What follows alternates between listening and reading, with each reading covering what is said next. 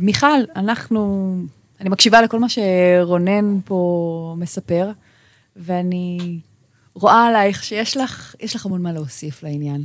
אז איך את מגדירה בעצם את, ה, את הגישור, את המטרות שלו, את כל ה... האמת שהדבר ככה שקפץ לי, רונן ככה דיבר על לחפש את הפתרונות האלטרנטיביים. ואני הייתי רוצה שבית המשפט הוא זה שיהיה בעצם האלטרנטיבה אה, להליכים של יישוב סכסוכים. מבורך. אמ, בעצם גם, וזה גם מה שככה אמרתי קודם לגבי מטרות אה, הארגון, זה שבעצם אנשים, הציבור ידע שהדבר הזה קיים. וכשאדם מגיע לעורך דין כדי להסתייע, הוא ידע לבקש את זה. הוא ידע לומר, יש לי גישור, ויש גם גישור מקצועי. אני יודע שיש איזשהו רף, ויש איזשהו תו תקן, אה, ואחת המטרות שלנו באמת זה לייצר איזשהו תו תקן כזה, כדי שהציבור יקבל גישור שהוא מקצועי. עכשיו, אם שואלים בכלל מה זה גישור, אז אמנם הוא מוגדר בחוק בתי המשפט, אז זה הליך שאנחנו אה, נועדים עם כל אחד מבעלי הדין, בלי שיש יכולת אה, להכריע בין ה... בסכסוך, אבל אני חושבת שזה הרבה מעבר לזה. זה בעצם כלי שנועד לסייע לאנשים אה, לעבור איזשהו תהליך, הוא לא רק כלי תוצאתי, הוא כלי דינמי. ויכול לשתף שלא... אותנו על הדינמיקה בהליך כזה? בתוך הליך גישור? כן. לפני כמה זמן היה ככה, יש השתלמות של לשכת עורכי הדין בנושא של גישור. בימי שלישי אחרי צהריים, שהיא השתלמות נהדרת. נכון. ואחד הדברים שככה היה מפגש עם עורכי דין ליטיגטורים, ואני לא זוכרת מי שם אמר, שכשאתה נכנס עם תיק לגישור, זה לא אותו תיק שאתה יוצא ממנו, גם אם הוא ממשיך בבית המשפט. כי קורה משהו בחדר. אנשים נכנסים, גם אם נניח יש רק שני צדדים, ובכל אחד מהם יש רק עורך דין ולקוח. כבר יש חמישה אנשים בחדר, בואו נספור את המגשר יחד איתם. ויש דינמיקה בין הצדדים, ובין הצדדים למגשר, ובתוך צד, הרי עורך דין והלקוח שלו זה לא תמיד זהה באינטרסים ובצרכים.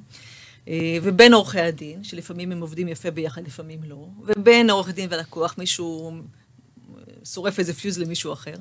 כך שהדינמיקה היא דינמיקה מין כוכב כזה, והכל גם הולך תמיד אל מול המגשר. ויש את ה juggling לעשות.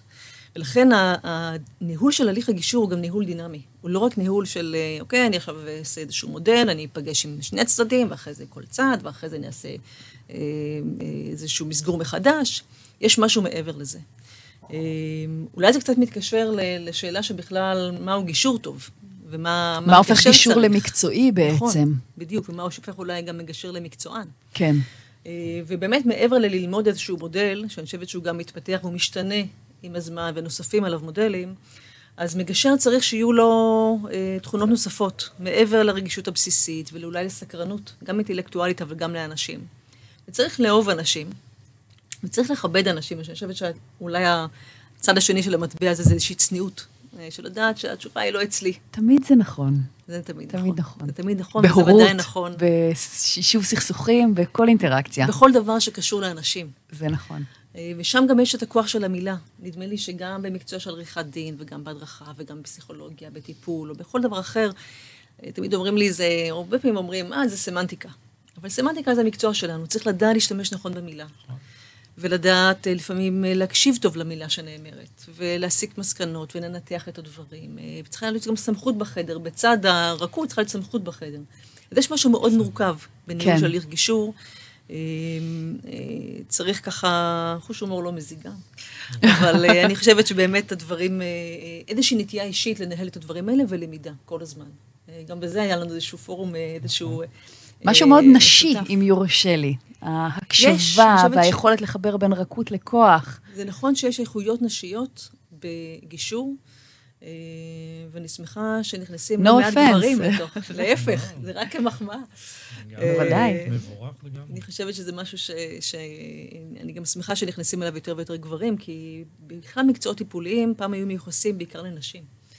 והיום יש הרבה יותר כניסה, זה לא מקצוע טיפולי, הוא סמי-טיפולי. כן. יש בו רכיבים טיפוליים, אבל הוא לא טיפולי אה, פר אקסלנס. כן. ו, ויש שם הרבה יותר אה, איזון בגברים ונשים שנכנסים לתחום הזה. כן.